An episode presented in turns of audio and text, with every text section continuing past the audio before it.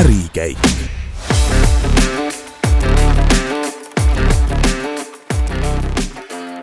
head kuulajad, tere tulemast Ärikäigu selle aasta viimasesse saatesse, mis seekord on veidi teises võtmes kui muidu. tänased saatejuhid on Marta Peril-Grauberg ja Gert Avasalu ärikäigu saates räägime me tavaliselt üsna noortest kasvavatest ettevõtjatest, kes suure entusiasmiga tegutsevad ja esimesi eduvilju maitsevad. täna teeme aga algust Ärikäik Kuru saate formaadiga, kuhu kutsume külla juba kogenud tegijad, kes teavad, mis on kriisid ja kuidas neist edukalt läbi tulla. tere tulemast, Ärikäik Kuru esimene külaline, Ülemiste Keskuse juht ja Ülemiste Cityt arendava Mainor Ülemiste nõukogu esimees Guido Pärnits tere kõigile!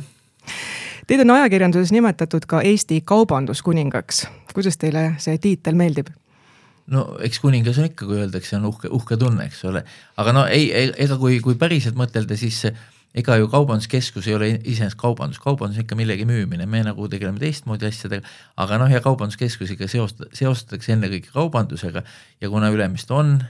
kõige suurem, ütlen ka kõige parem, ma olen tegelikult Ülemistes ju töötanud alates algusest peale juba mingi kahekümne teine aastakäik käib, noh, võib ju niiviisi nagu, nagu illustreerida küll, eks ole, et ega nagu kogenumat või, või, või nii-öelda vanemat selle ala tegijat Eestis ei ole praegu no Ülemiste on ka Eesti inimeste arvates kõige parem eh, kaubanduskeskus. Eh, et eh, mis siis on see Ülemiste keskuse võti, et kui me vaatame siin ka nädalavahetusel Ülemiste parklat, see on alati täis no ega noh, mis siin nüüd eh, nagu ütleme nii-öelda eh, mõtelda selle üle, et sellel on ju päris nagu objektiivsed nii-öelda tulemid, eks ole, kuidas me sinna sa saime, see on nagu teine jutt, eks ole, aga ega selge see, et Ülemiste on nagu kõige rikkalikum nii-öelda niisugune kaubandussuunitlusega ütleme maja või hoone, et ega, ega need inimesed, kes meie keskuse parklas on, ei ole ju puhtalt ainult need, kes tulevad sinna noh, nii-öelda midagi ostma, eks ole. et ma arvan, et noh, mis, mis ma arvan, et ma olen päris nagu kindel, et, et me suudame pakku, pakkuda, ütleme inimestele oluliselt rohkem ja, ja kindlasti just see teine pool on nagu, mis eristub meid teistest keskustest, just nagu niisugune meelelahutus, toitlustus, mis igal pool on omal tasemel, aga noh, nii rikkalikku seda ei ole. Nii et ta on ikkagist nagu äh, alates ütleme sellistest üldaladest, et sellist nagu, nagu feeling ut või, või mõnusat olemist või isegi puhkealasid ju kuskil mujal ei ole. nii et ma arvan, et inimesed, kes selle, kes nendest autodest välja tulevad, mille peale sa mainisid, et eh, need kindlasti tulevad äh, midagi ostma, aga mitte ainult no Ülemiste on selline selge maa, maamärk nüüd juba üle kahekümne aasta, et eh, aga te mainisite ka, et algus oli hoopis teine jutt, et tegelikult kaks tuhat neli, kui avasite, te olite seal üsna sellised üsna tühja koha peal. noh, ega see tõdemus tuli ju päris nagu ruttu, et kui me seda projekti hakkasime tegema kaks tuhat kolm, eks ole, noh juba nii-öelda niisugust eelmüüki tegema ja projekti tutvustama, et ega see vastuvõtt nii-öelda ütleme, Eesti nii-öelda kaupmeeste või, või inimeste poolt ei olnud ju nagu hea, sest tol ajal, kui nüüd keegi mäletab, eks ole, kakskümmend viis aastat tagasi, noh näiteks, eks ole, oli ju ikkagist Tallinna piir selgelt see raudteeliin et sealpool nagu toimus, seal oli vist Sikkupillikeskus minu arust oli ja siis oli, oli isegi lihakombinaat ja siis tegelikult teisel poolt raudteed ei olnud nagu suurt midagi peale, peale, et Viigati oli sõjatehase ja mingi bussipark oli seal, seal, kuhu me ehitasime. ja noh, eks nii öelda ju küll, et no nii lolli kohti ikka annab otsida, eks ole. aga, aga eks sihuke, sihuke nägemus ja selline äh, noh, arusaamine, kuidas asjad noh, on mujal maailmas toiminud, millised kohad nagu tööle hakkavad, millised mitte, kuidas ütleme, pealinnad arenevad, eks ole, tol hetkel ei olnud ju niisugust asja nagu valglinnastumine veel, kõik, mis oli, oli linna piires, Mustamäe, Lasnamäe, eks ole, aga sellist asja nagu Peetri või Jüri, noh, need ei olnud veel kohad, kus inimesed elasid. aga kui inimesed hakkavad sinnapoole minema, siis tekib ka liiklus, tekib vajadus, ütleme, kaubandused või, või, või ütleme, niisugune teenindusmajade järgi, nii et, äh, et äh, ta oli raske, ütleme, rentnikke leida, hästi raske, me alustasime ikka päris suure vakantsiga ja kui ma praegu nagu mõtlen, et okei okay,, ajad olid teised, et siis võib-olla ei olnudki neid praegu nii-öelda tuntud kaubamärke, aga päris kummaline rentiga kooslus oli küll seal aga noh, ütleme, saime hakkama, poolteist aastat oli raske. siis hakkas juba nagu kuidagimoodi hakkas niisugune tunnetus tulema, et, et vist ikka tegime õige asja mm. -hmm aga kui te nüüd mõtlete sellele, kuidas teil praegu läheb, et eh, kuhu Ülemiste keskus on jõudnud, kuidas te sellele aastale, mis nüüd ka kohe hakkab lõppema, tagasi vaatate? Eh, vaata, eh, me vaatame hästi. Ja tegelikult ma ka ütlen niiviisi, et kui rääkida nagu erinevatest nagu tööstusharudest, et eh, kaubandus üks vähestest Eestis, kellel ei lähe nagu või ütleme, kellel läheb nagu suhteliselt hästi, et noh, vast kellelgi praegu väga hästi ei lähe, noh kuna maailm on selline, nagu ta on, eks ole, kõik sõjad, intressid, eks ole, energiahinnad, aga, aga ma arvan, et nii-öelda erinevates sektoris Eestis on võib-olla niisugust kaks-kolm, kellel noh, kes tegelikult ei saa nagu kurta ja üks on nendest kaubanduse. nii et selles mõttes meil läheb hästi ja, ja ega, ega ma vaatan ju niiviisi, et kui me räägime nagu teiste kaupmeestega, eks ole, muidugi kaubandusmaastik on lai, seal on, on, on tugevaid tegijaid, on nõrku tegijaid, üks ütleme viriseb rohkem kui teine juba oma natuuri poolest, aga kui vaadata niisugust nii-öelda makropilti kaubanduskeskuste hulgas, kaubanduskeskus on ju kohad, kus Eesti põhiline kaubandus on, on koondunud, et siis ega ma ei ütleks, et kellelgi halvasti läheb et kõik, Rocca al Mare, Kristiine, et kõik noh, toimetavad täitsa kenasti. Teie ei tunne seda majanduskriisi, seda suurt raskust, millest kõik ümberringi räägivad? ei, mina tunnen väga hästi, et, et majanduses on nagu mitte kõige paremad ajad, aga, aga ei ole nagu põhjust nagu ütleme, nagu nuriseda, sest äh, noh, kriisid on, lähevad, eks ole, loodame järgmise aja peale, me teame, et kümme aastat alates masust kuni nüüd ütleme selle Covidi ajani oli ju väga hea aeg, eks ole, et kes, kes ütleme sel ajal nii-öelda ütleme rasva kogus, ma arvan, elab selle kriisi päris okeilt üle.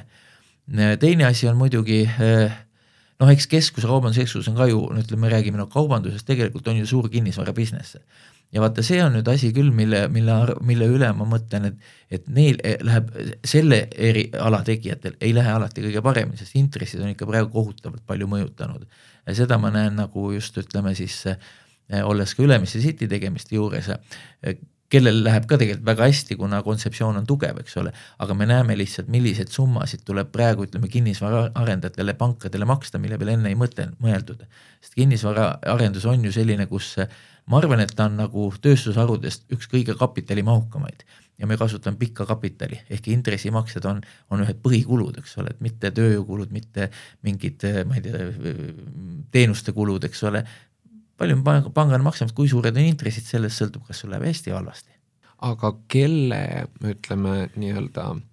kelle toel kogu see konkreetsemalt Ülemiste ise nagu praegu toimib, kas need inimesed, kes seal käivad, kes seal poodides käivad kas need on inimesed, ütleme sealt Lasnamäe lähiümbrusest, kas need on Peetri inimesed või need on pigem inimesed, kes äh, sõidavad kuskile kaugemale, Tartusse, maale?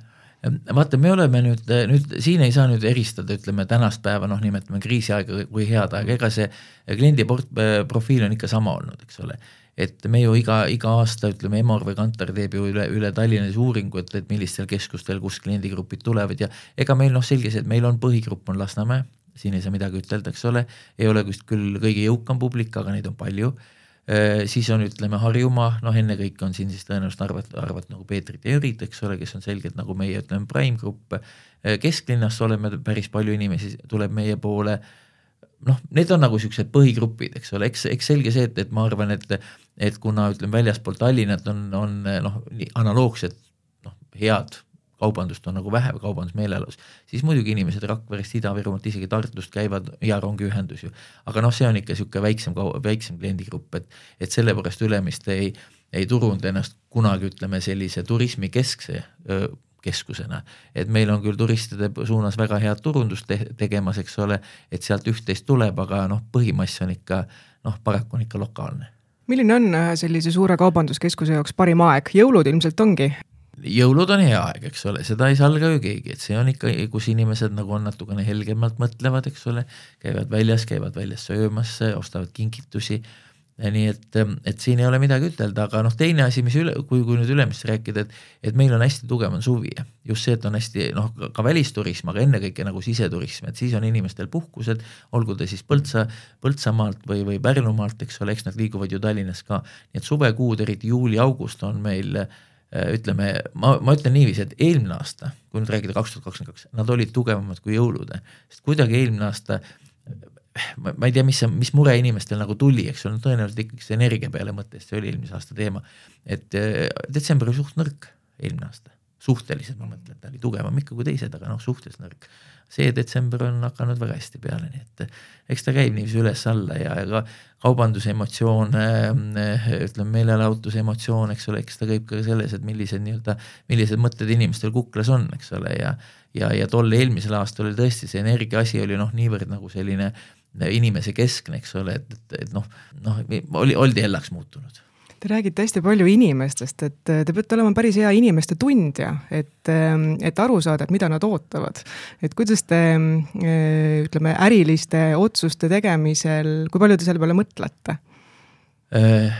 ma, ma jah mõtlen, et vaata, ega äriotsuse tegemine, ma nüüd, noh, äriotsused on erinevad, eks ole, üks on see, et kui me räägime keskuse ta, tasandil tänasel päeval, eks ole, noh, milliseid kauplusi võtta, milliseid mitte võtta, eks ole, mis inimestele korda läheb, mida nad nagu soovivad. eks ma olen ka ju inimene ja, ja, ja ma kuidagi loen ennast nagu siukseks keskmiseks inimeseks, eks ole. et, et kui mulle see asi nii-öelda korda läheb, ju siis läheb ka teistele et võib-olla see on niisugune natuke enese, enesekeskne, aga, aga, aga noh, ma arvan, et ma ikkagist nagu niisugust, ütleme eh, noh, mainstream'i ta, taipan ära, et võib-olla ma vahest olen natuke nagu kehitan õlgu, kui räägitakse niisuguseid nagu niši asju, noh, minu jaoks on ka roheline jutt natuke nišš või, või ütleme, taimetoit, eks ole, nendest ma nagu ei saa hästi aru, eks ole. aga nad võib-olla vahest lärmavad rohkem, kui asi väärt aga, aga üldiselt jah, taipan nagu selle asja ära, aga mis ma ütlen nagu, nagu kui võtta nagu päris nagu ärilised otsused, kuhu nagu investeerida kui mõtelda neis Ülemiste City arengu peale, et siis äh, ma arvan, et, et mina ju panen esimeseks, panen kõhutunde. et algus on kõhutunne, kas üldse asjaga tasub tegeleda, eks ole. siis teine asi on see, kas sul raha on, mitte isegi nagu see Excel, vaid kas sul puhtalt nagu cash'i on, eks ole, et, et projekt ellu viia. siis tuleb juba, siis sa pead nagu Exceli paika panema, eks ole, ja seda annab alati nii-öelda modifitseerida, aga ennekõike sul peab olema hea tunne, et see, mida ma teen või see, mida ma tahan teha või see, mida ma ma, ma kaalun, kas teha või mitte, et see peab sulle korda minema ja, ja noh, sealt kõik see hakkabki. Te mainisite enne, et alguses selle Ülemiste keskuse, ütleme sellised rentnikud olid sellised kahtlased, et noh, nüüd on nagu väga esinduslik äh, äh kliendibaas teil seal poodide näol, et et mille üle te kõige uhkem olete äh, nagu klientidest, et vot, et saime, saime vaata see kahtlane, see on nüüd selline noh, selles mõttes, et mitte nagu halvustab, vaid tol hetkel oligi see Eesti nii-öelda kaubandusmaastik selline noh, mida sa praegu nagu kehitad õlgu, eks ole, noh, oli noh, aga see oli, ütleme Eesti, Eesti, Eesti aeg, Eesti, Eesti on, eestlane on ju suhteliselt ettevõtlik olnud, et head üldse meie kodumaist ettevõtlust oli. et ma mäletan, et kui, kui me avasime kaks tuhat neli keskuse ja ma olin ka ju kaubanduses tol hetkel nagu noh, ütleme mitte nüüd täitsa roheline, aga noh, kaubanduskeskuste maastikul kindlasti. et siis oli see, ma arvan, see oli mõni ajakirjanik küsis, et et nimetage mõni rahvusvaheline firma, mis teil on, noh praegu sa taipad ära kohe, mis on, eks ole, aga siis noh hakkasid mõtlema, mis asi on rahvusvaheline, kas see on, kes on Eestis ja Soomes, eks ole, või, või mingi Läti firma, keda ju oli ja, ja ega mul midagi targemat kui erikiosk ei tulnud pähe, eks ole. aga tänasel päeval, kui räägid nagu, nagu rahvusvahelisest firmast, siis siukseid asju ei nimetata, nimetatakse ikkagist noh, algame Saarast, HM-ist, eks ole, minu poolest Jyskist, eks ole, peale ja, ja noh, miks mitte kodumaised, Sportland, Euronics, nad on ju läinud, ütleme Eestist väga kaugele natuke mõnes kohas ka tagasi tulnud, aga noh, siiski on, et ega need on ka rahvusvahelised, kuigi nad on noh, samas jälle kodumaised. kelle üle ma uhke olen, ma, ma ei, ma ei taha seda ütelda, sest noh, neid on niivõrd palju, kelle üle uhke olla, eks ole. ma arvan, et, et kui rääkida nagu meie sellisest, sellisest noh, ütleme eduloo algusest, sest Ülemiste saab järgmine aasta kakskümmend ja ma arvan, et me nagu peaksime oma selle olemise nagu jagama kaheks, kümme esimest ja kümme teist sest kaks tuhat neliteist, siis kui me tegelikult nagu noh, me ütleme, et meil oli täiesti uus sünd, eks ole. et me nagu jäime nagu ajale jalgu, eks ole, vot täpselt need kummalised ettevõtted, nad enam ei toiminud, eks ole. ja siis meil hakkas nagu, nagu, nagu, nagu võimalus, ütleme Eestisse nagu, Eestisse tulid juba ütleme siuksed rahvusvahelised firmad. ja ma arvan, et, et ikkagist eh, kõige tähtsam asi meil tol hetkel oli see, et me saime HM-iga lepingu. tõenäoliselt, kui me poleks seda saanud, oleks meie võib-olla tänane olemine hoopis teistsugune olnud nii et, sest tollal olid konkurents palju, Tallink City, Panorama City, T1, kõik olid ju nii-öelda paberil üliilusad. ja, ja tegelikult noh, kõik jooksid ju samade rentnike järgi ja, ja noh, tol ajal ütleme, oli ikkagi see HM ikka selline noh, nii-öelda noh, eestlaseks ülioluline bränd, mida ta on ka praegu, eks ole, et ega, ega siin ei saa salata, aga noh, tema tähtsus ei ole enam selline, sest ka teised on tulnud järgi ja noh, siis oli, ütleme sihuke, et, et kui me ei oleks HM-i lepingut saanud, tõenäoliselt oleks mõni teine keskus ta endale saanud ja või, või paberil keskus. aga nüüd on niiviisi, et, et Ülemiste toimib, Tallink Cityt ei tulnud, Panorama Cityt ei tulnud muuseas Ansmit, noh, see on niisugune natuke iroonia, ütles, et et tema kõige parem investeerimisotsus elus on see, et ta ei teinud Tallink Cityt. et kui ta oleks teinud, tõenäoliselt oleks Ülemistele alla jäänud. noh, näide, kes käitus lollisti, oli tegelikult Pro Capital, kes ehitas T1 ja noh, nüüd on ta noh, vast tuleb oma hädadest välja, aga noh, ütleme siin on paljud inimesed ja paljud ettevõtted raha kõvasti kaotanud. nii et ma arvan, et see HM-i tulek oli, oli, oli noh, üks tähtsamaid asju meile aga kui nüüd natukene Ülemiste keskusest veel rääkides eh, tulevikku vaadata, et te olete kasvanud, järjest suuremaks saanud, et, eh, et kas seal on eh, kuidagi lagi käes või ikkagi on veel mõtteid? uus oi, korrus peale, laiemaks? oi ei, meil lagi nüüd käes ei ole küll, eks ole, et vaata, mina käsitlen Ülemistet nagu laiemalt, eks ole, noh üks on ka see, et, et kuna ma olen igatepidi sees nii Ülemiste City's kui ka Ülemiste keskuses ja noh, ma arvan, et sealt on sünergiat leida küll ja küll, eks ole.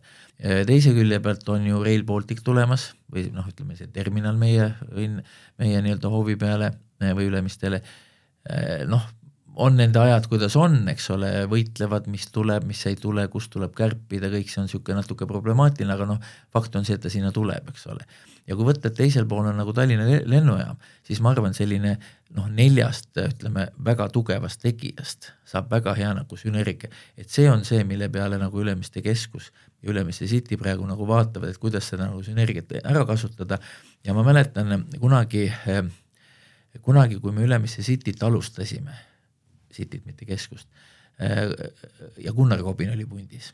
Ja, ja Kobin ütles mulle niiviisi, et mina olin juba Ülemiste keskus oli valmis ja et tead, et tegelikult tulevikus sa peaksid Ülemiste keskuse ümber pöörama, City areneb nii kiiresti, Ülemiste City, eks ole,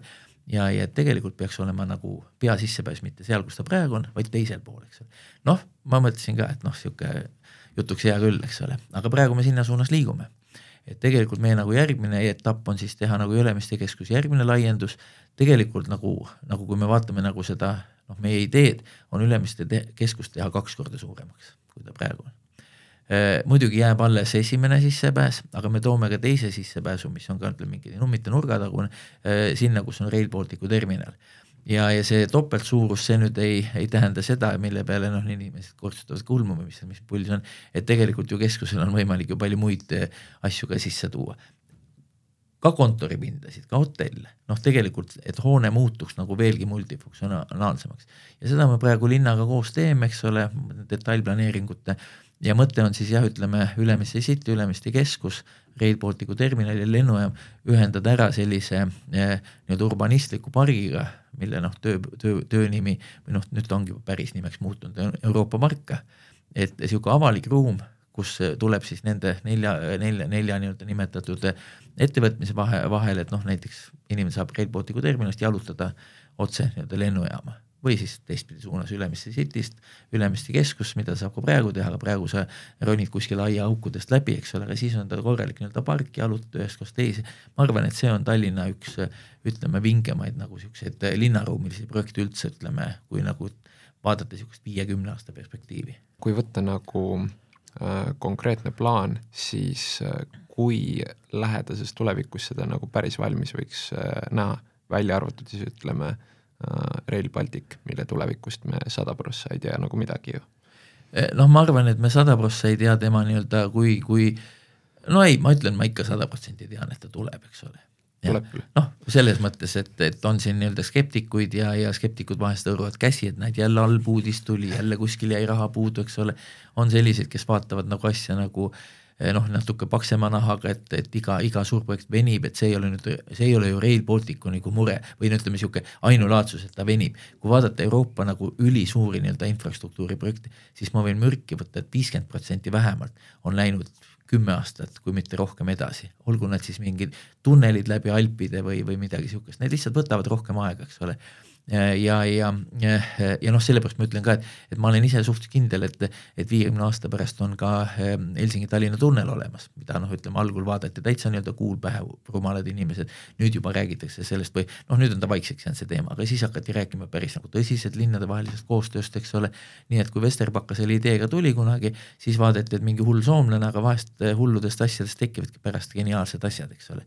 nii et ma arvan, et see Rail Balticu terminal ikkagi tuleb ja Rail Baltic ise ja ega me kõik rõhume ju selle noh, nii-öelda Euroopa pargi valmimist just sellesse aega. sest noh, ma ütlen, et ta toimib ülihästi siis, kui on, ütleme, kõik need asjad toimivad noh, ja, ja, ja, ja ka lennujaama ju arendus on ju tegelikult päris nagu päevakorral, ma mõtlen, et ka seal tuleb seda nii-öelda niisugust klienditsooni palju juurde. Eh, sissepääs tuleb hoopis teise kohta, ligemale sellele nii-öelda Euroopa pargile, eks ole, või Ülemiste keskusele või Rail Balticu terminal. nii et ma arvan, et, et me nagu, eh, kui vaadata nagu Ülemiste keskuse poole pealt, siis eks me rihime niisugust avamist kuskil kaks tuhat kolmkümmend et noh, ma arvan, et Rail Balticu terminalis ei, ei avata ka varem, et noh, jutud käivad ju, et okei okay,, me ehitame valmis seda kaks tuhat kakskümmend kaheksa, eks ole, aga noh, ütleme see, see ilus hoone avatakse alles kaks tuhat kolmkümmend, et ja siis, kui rongid hakkavad liikuma või need rongid, kelleks ehitatud on. Sellest Ülemistest äh, ikkagi kujuneb selline, ütleme, Tallinna, ma ei tea, ärikeskus äh, kõige parema linnaruumiga, mis, äh, mis siin meil teha on jah, me ise, ise, ise tahaks kutsuda teda Tallinna väravaks, sest noh, nii ta on, eks ole, et ega siis Rail Balticu terminal, noh praegu põhilised rongid, kes seal peatuvad, on ju tegelikult noh, ma ei tea, Aegviidu, Keila, eks ole, üksikud Tartu rongid päevas, aga kui me mõtleme ikkagi, et, et eh, noh, ütleme, võtame nii-öelda optimistlikult mõtleme asja, et kui sinna hakkavad tulema rongid, ütleme Euroopast tükki kümme päevas, eks ole teisel pool on lennujaam, siis ta ongi ju Tallinna värav, noh, ütleme siis võrreldav värav sellega, mida me praegu võib-olla kujutame kuskil Tallinna sadamas, eks ole. aga ühelt poolt tuleb meile terve Euroopa, sadamast tuleb tegelikult ainult Skandinaavia, nii et et see, ütleme, see rahvaste paabel, mis hakkab tulema rongiga või lennukiga, on oluliselt nagu mitmekesisem kui see, kes, kes tulevad laevaga, nii et jah, Tallinna väravaks me teda tahaks nimetada küll, või noh, pigem Eesti väravaks siis juba,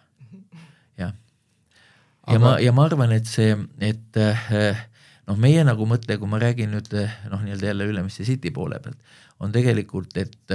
et see, et see nii-öelda linnakupoolne osa, Ülemiste City poolne osa ei ole puhtalt selline kontoripinnad, eks ole, vaid tegelikult ka mingil määral kakskümmend neli seitse, aga kindlasti, mille peale me väga nagu vaatame, on, on konverentsiturism, mis ühe külje pealt on ülimalt oluline, ma arvan, Eestile, et Eestil ei ole väga palju niisugust pehme väärtuse importimisvõimalust, eks ole. Noh, ma mõtlen, ilm on meil nikel, eks ole, maavarasid ei ole, eks ole, kõik need noh, mis nagu mõnes riigis on nagu, nagu issand jumalast tulnud. ja ma arvan, et konverents on see, mida me saaksime siin, siin korraldada just, just ma mõtlen selles Ülemiste piirkonnas, kuna on lennujaam, on raudteejaam, eks ole, äh, ma usun ka seda, et, et mida rohkem aeg edasi, seda rohkem oluliseks muutub äh, nagu niisugune säästlik reisimine, ma mõtlen nagu jalajälje osas, et CO2, et ja raudtee on kindlasti üks väga perspektiivikas selles osas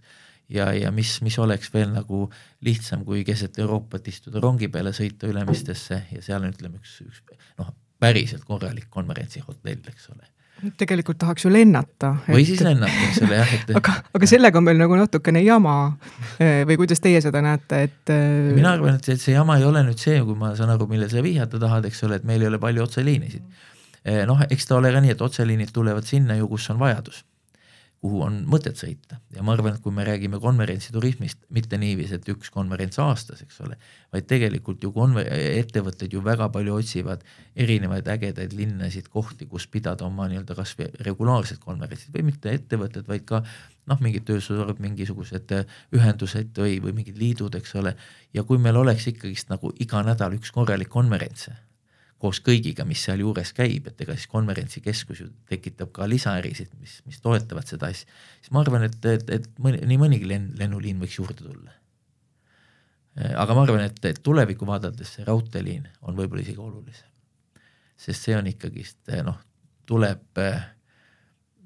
noh, ma ei tea, kuidagi see, see raudteeliiklus, kui ta on, ütleme, head, mugavad vagunid, eks ole noh, ta on ju tegelikult oluliselt mõnusam isegi kui lennuk, eks ole, sa ei pea kuskil tegema mingeid suuri check-in'e tund aega varem lennujaama tulema, tuled, istud peale. ma käisin, sõitsin äh, Londonist Pariisi selle rongiga, mis neilt sealt lähebki, kiirrong, ülimugav. ei pidanud minema kuskil Gatwicki lennujaama pärast mõtlema, et pool tundi, kuidas ma nüüd Londonisse saan, et tegelikult sa tuledki Londoni kesklinna sellega, eks ole, või otse sinna, kus on metroojaam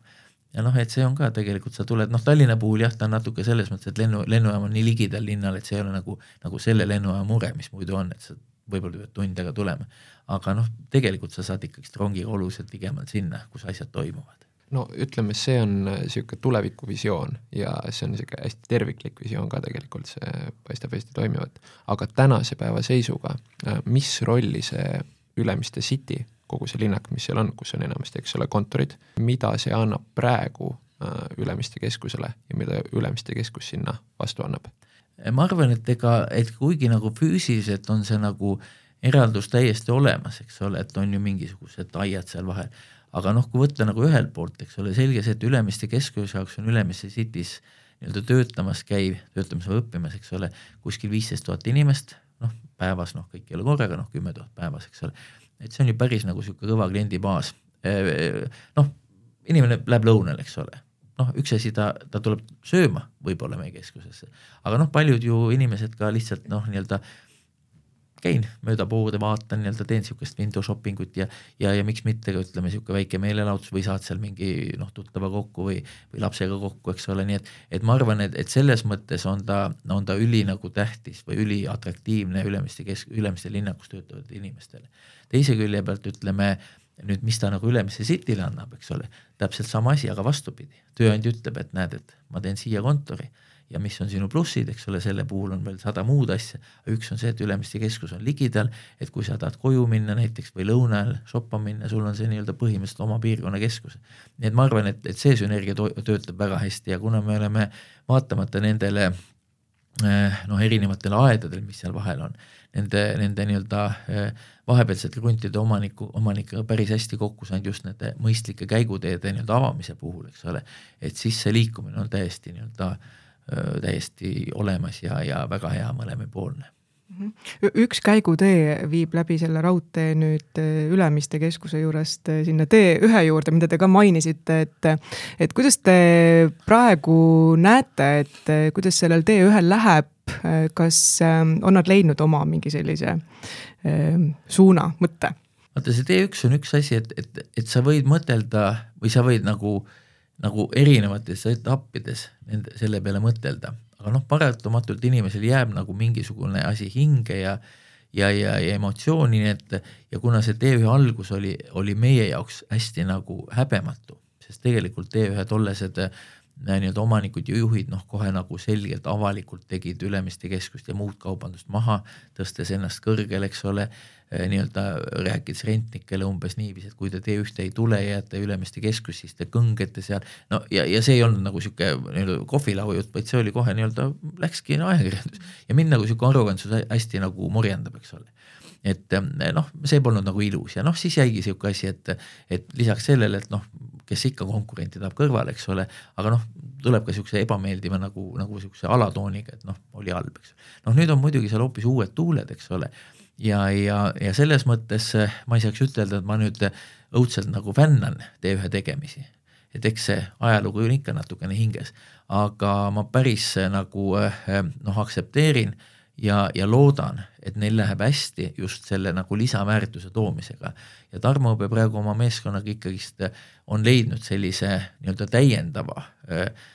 noh, nii-öelda äri selle keskuse jaoks, et, et mitte nii-öelda paneme jälle siin Ülemiste keskuse taolist kaubandust, vaid ikkagist noh, mingil määral kaubandus, võib-olla siin eh, outlet indus, mis noh, ei ole ju täpselt see, mida, mida, mida meie nagu pakume. aga mind, eh, mulle eriti meeldib nende nagu see kolmas korruse idee, just need spordiklubid ja, ja sellised, ma ei ole niisugust asja maailmas näinud. et ma väga loodan, et see neil nii-öelda ka äriliselt nagu vastu peab, eks ole, et et kõik need noorte, ma ei tea, maadlusklubid ja noorte tüdrukute tantsuklubid ja vehklemisklubid, noh, see on lihtsalt lahe, eks ole.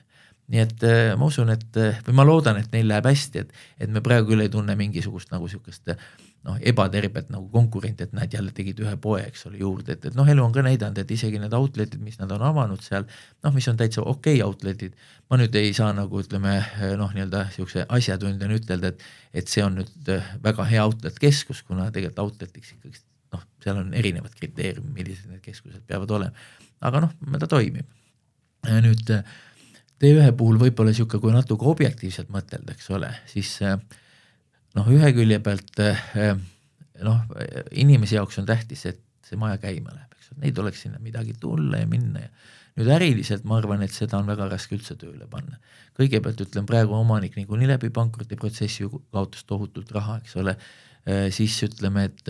et äh, et need kauplused käima panna, siis noh, selge see, et praegune omanik peab neid kuidagi nüüd noh, motiveerima kas heade rendilepingutega või, või siis ütleme lisainvesteeringutega nendele, aga asi on ju tegelikult kõik selles, et see raha on tegelikult või noh, kui ma enne rääkisin, et kaubanduskeskuse arendamine on tohutult kapitalimahukas, siis nende nii-öelda kapital on ilma hinnata.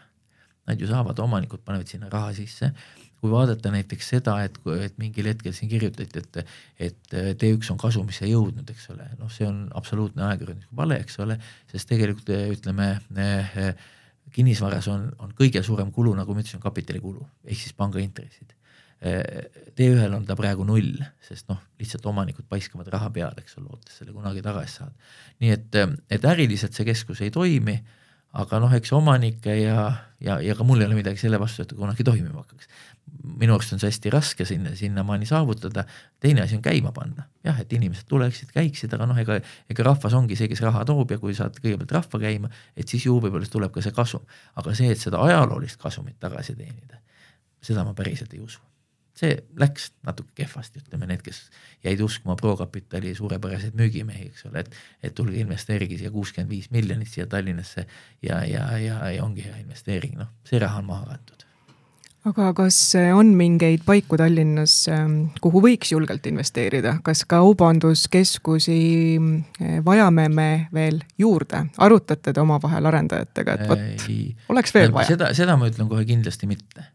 et eh, eh, sest eh, Tallinn on ikka, ütleme, ta küll võib-olla natukene siin mõned tuhanded inimesed tulevad juurde, eks ole, aga noh, ta on ikkagist maailma mõistes nagu, nagu väike. Ja, ja kui me räägime, et praegu meil on neli head keskust, Rocca al Mare, Kristiine, meie ja, ja Viru keskus,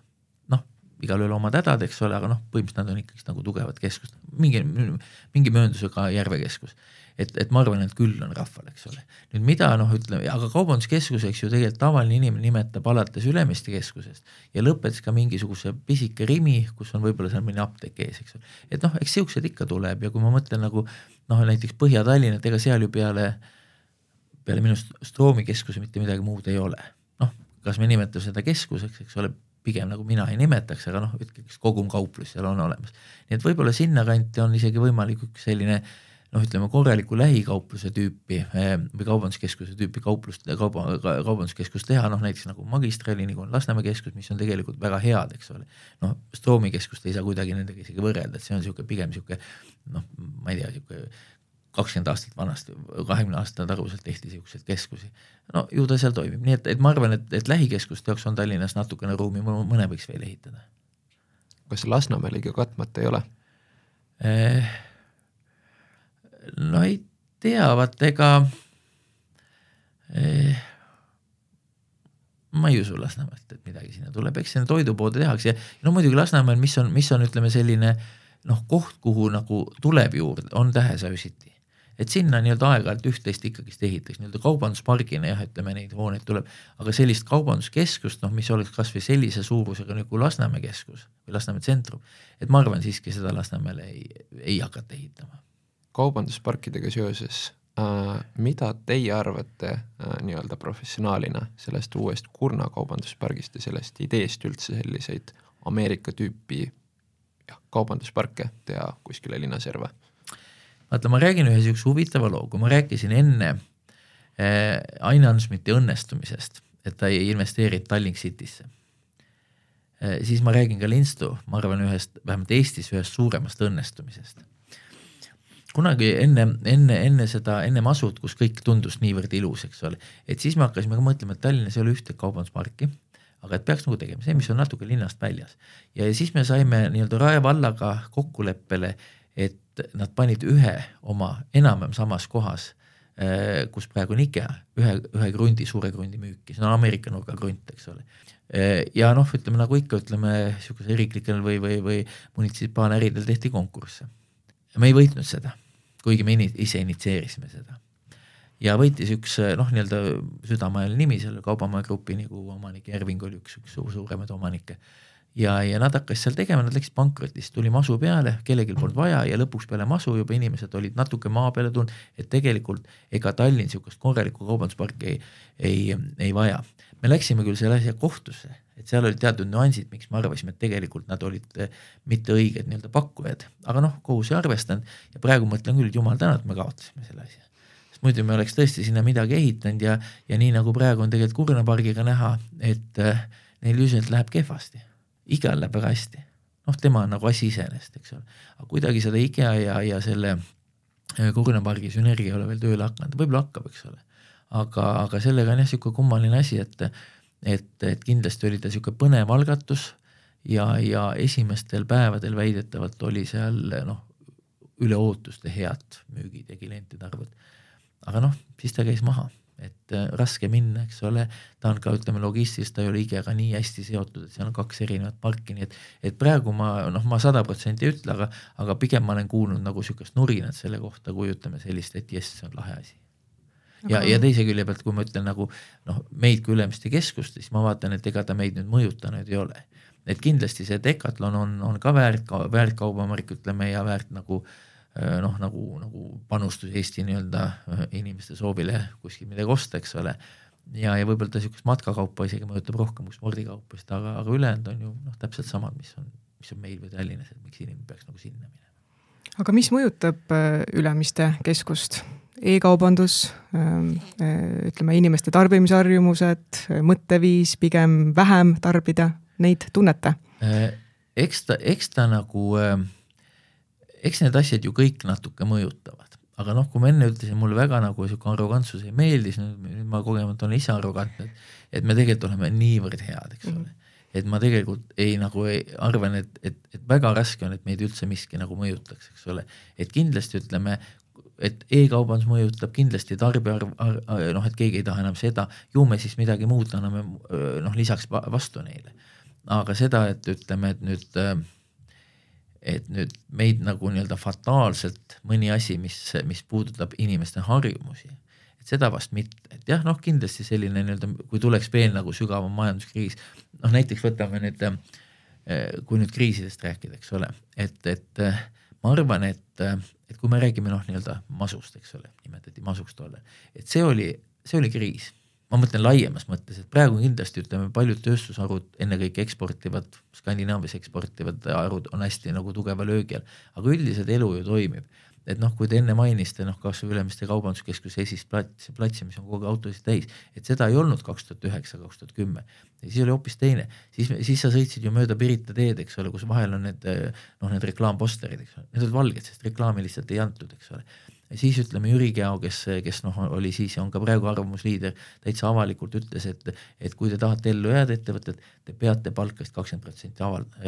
madalamaks tegema. praegu sellest ei räägita, kindlasti kuskil tehakse või mitte, aga see ei ole niisugune nagu üleüldine nagu teema, eks ole. et kuskil läheb hästi, kuskil läheb halvasti, aga kui, kui võtta nüüd ütleme see majanduskukkumine, ta ei ole niisugune miinus kakskümmend, mis oli vist kaks tuhat üheksa või kaks tuhat kümme. aga küll muidugi see asi võib palju pikemalt venida just et, et, et, et et Skandinaavia, mis on meie nagu sihuke põhiline partner, et nemad on ju tegelikult nagu noh, väga kehvas seisus ja nendelt on, sealt on väga raske nagu välja tulla, nii et, et ma arvan, selline vindumine on võib-olla praegu pikem ja see, see tõus, tagasitõus ei ole nii järsku, kui ta oli, kui ta oli tolle.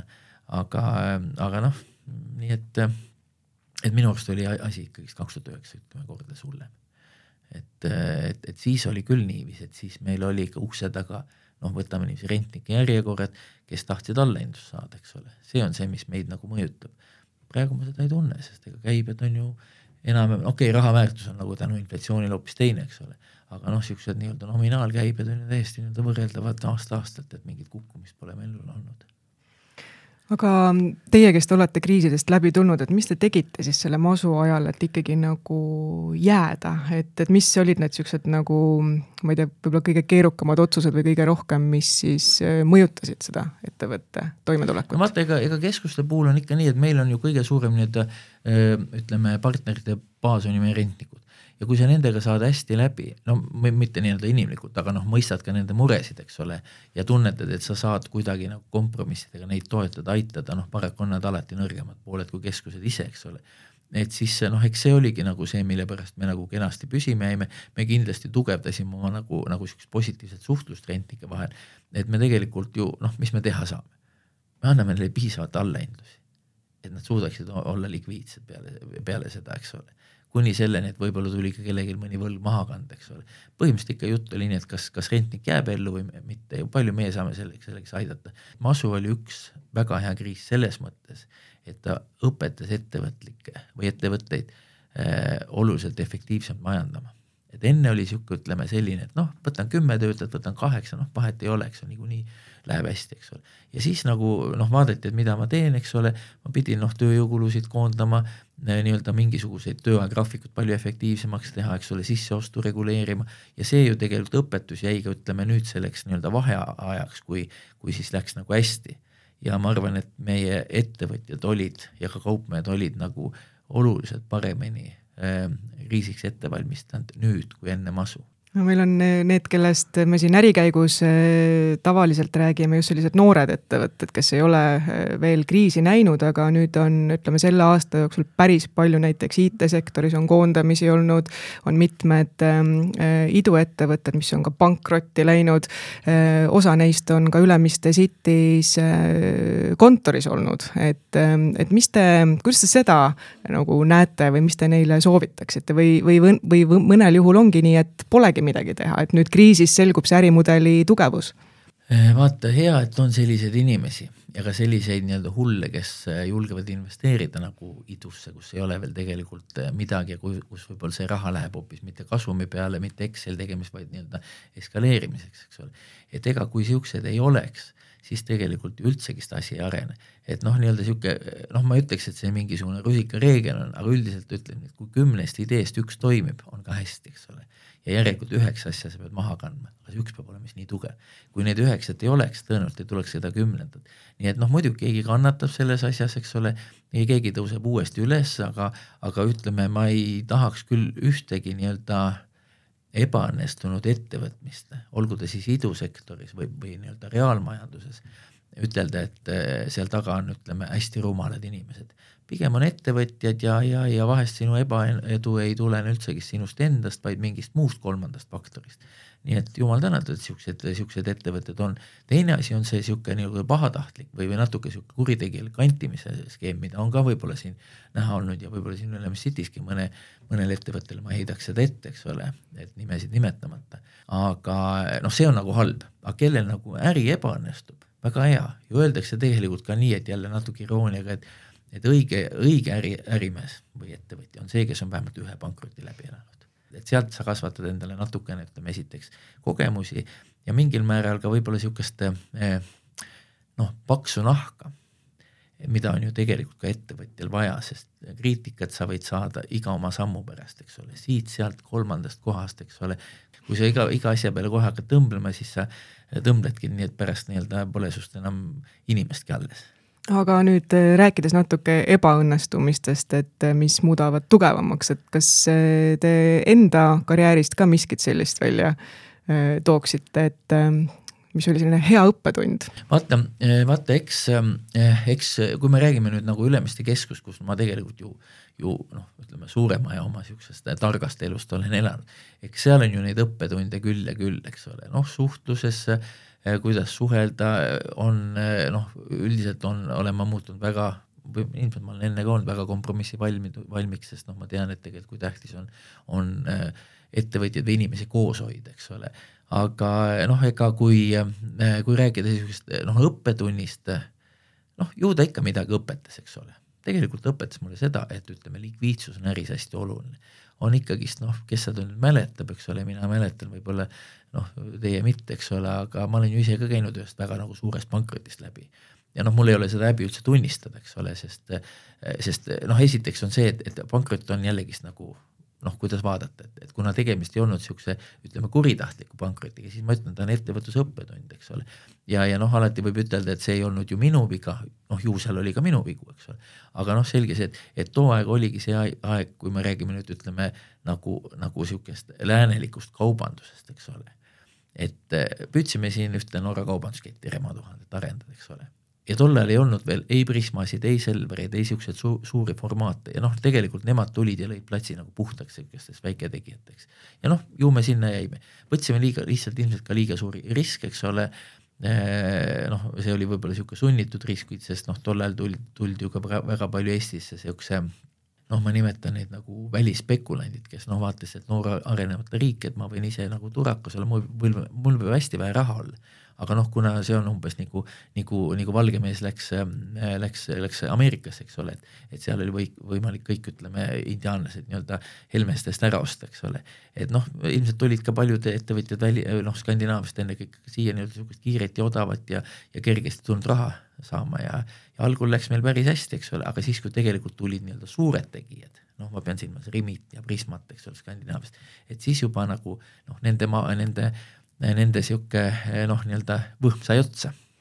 ja, ja kuna ma seal töötasin, siis eh, polnud mul ka midagi suurt teha, eks ole, et, et tuli lihtsalt käed püsti tõsta ja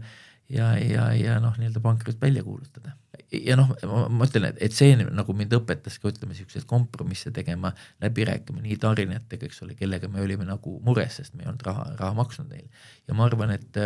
et võib-olla ma nagu natuke noh, üle kiidan, eks ole, aga üldiselt kui jätta välja see, et iga rahakaotus on, ütleme,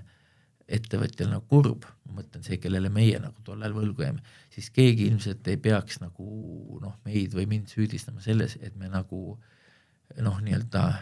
noh, pätti mängisime või ära kadusime, eks ole. et küll olid ettevõtted, kes siin nüüd otsisid mind raadioteel taga ja mul lihtsalt lõbus on mõtelda selle peale. et see oli ju praegu kõige hästi üks suurim pankrotimeister Oliver Kruda, eks ole, kes tollal oli ikkagist veel nagu tipus siin oma piimakombinatega niiviisi, et, et ja kuna ma olin tegelikult Eestist väljas, eks ole, eh, noh, selle protsessi ajal mingil ajal, siis jah, ütleme, ma tean, et mulle siin Eestis ei kuulnud, kui sind otsitakse raadiodel taga tema, nüüd on ta ise kadunud, tont teab kus kohas, eks ole ma lõpetuseks eh, küsin, eh, mis on Guido Pärnitsa uue aasta soov? tegelikult ma ütlen niiviisi, et kui nüüd võtta nagu noh, noh, eks, eks alati võib ütelda nagu, nagu mida ma nagu noh, nii-öelda isiklikus või pereelus tahan, eks ole. loomulikult mul on väike tütar, ma tahan, et tal läheb koolis hästi, eks ole, et tal on hea tunnistus, ta tunneks ennast hästi nii-öelda. ma arvan, et see on praegu üks nagu noh, tähtsamaid asju kindlasti, eks ole, noh nagu pere mõttes. aga kui võtta nagu nüüd eh, selline eh, nagu, nagu äriline pool, siis ma arvan, et Ülemiste keskuse osas noh, mul ei ole nagu väga suuri nagu siukseid äh, noh, unistusi, sest ma tean, et noh, ma mõtlen aja, aasta perspektiivis, et ma tean, et need unistused on Ülemiste laiendamine, aga see on noh, ütleme aeg edasi ja, ja selle puhul nagu me lihtsalt töötame selles suunas ja ma arvan, et mingit erilist nagu hüpet või mingit nagu niisugust nirvaanat, ütleme, seal ei ootaks. nüüd Ülemiste City puhul on natuke asi teine, et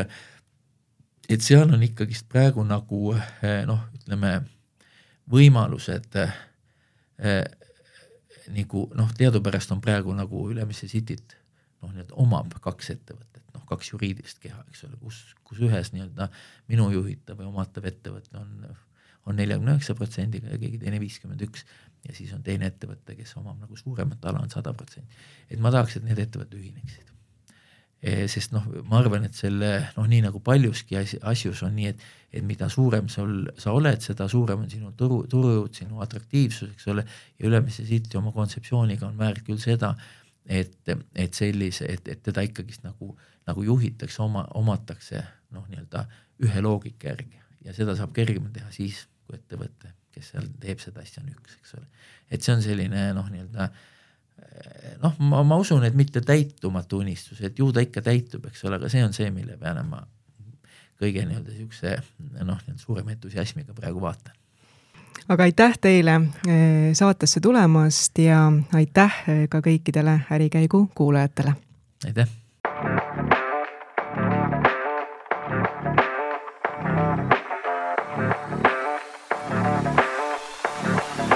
ärikäik